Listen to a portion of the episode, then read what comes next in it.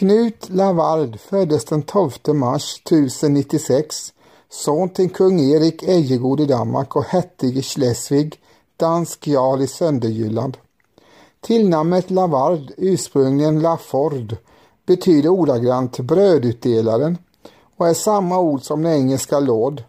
Beteckningen syftar förmodligen på Knuts militära styrka som ledare för en hird var stridbara medlemmar åt hans bröd. Knut stred hela livet mot vikingar.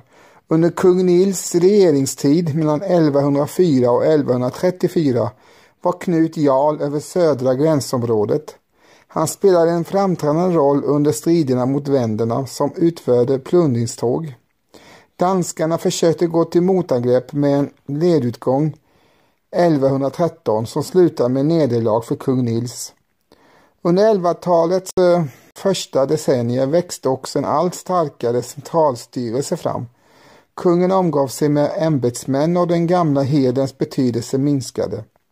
Men Nils saknade inte problem. Ett sådant gällde tronföljden. Landet var fortfarande ett valrike och det var inte givet att Nils skulle efterträdas av sonen Magnus. Situationen komplicerades nu av att de tidiga kungarna nu hade vuxna söner som trädde fram som tronpretendanter. Främst bland dessa var Knut Lavard. Han liknade mycket sin far Erik Ejegod och åtnjöt stor popularitet både bland folket och stormännen. Som främste vapendragare hade han sin äldre bror Erik. Den tredje brodern Harald Kejsa, som delvis ägnade sig åt sjöröveri, hade dock få anhängare. Ytterligare en kandidat fanns, Henrik Skadelår, som var son till Svens Estridens son Svend, som dog strax innan Nils valdes till kung 1104. Han slöt sig till Nils och Magnus. En urladdning och en strid mellan de två rivaliserande grupperna var att vänta. Den kom 1131.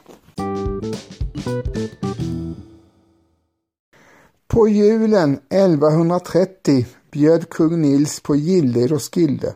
Många stormän mötte upp, bland dem Knut Levad. Festen pågick i fyra dagar och efteråt stämde den svenske kungen Magnus Nilsson och Knut möte i Haraldstad, Skov, norr om Ringstedt. De infann sig där den 7 januari år 1131. De båda kungasönerna samtalade en stund, men plötsligt gick några beväpnade män som legat i bakhåll till anfall och högg helt sonika ner Knut Levad. Mordet väckte stort uppseende.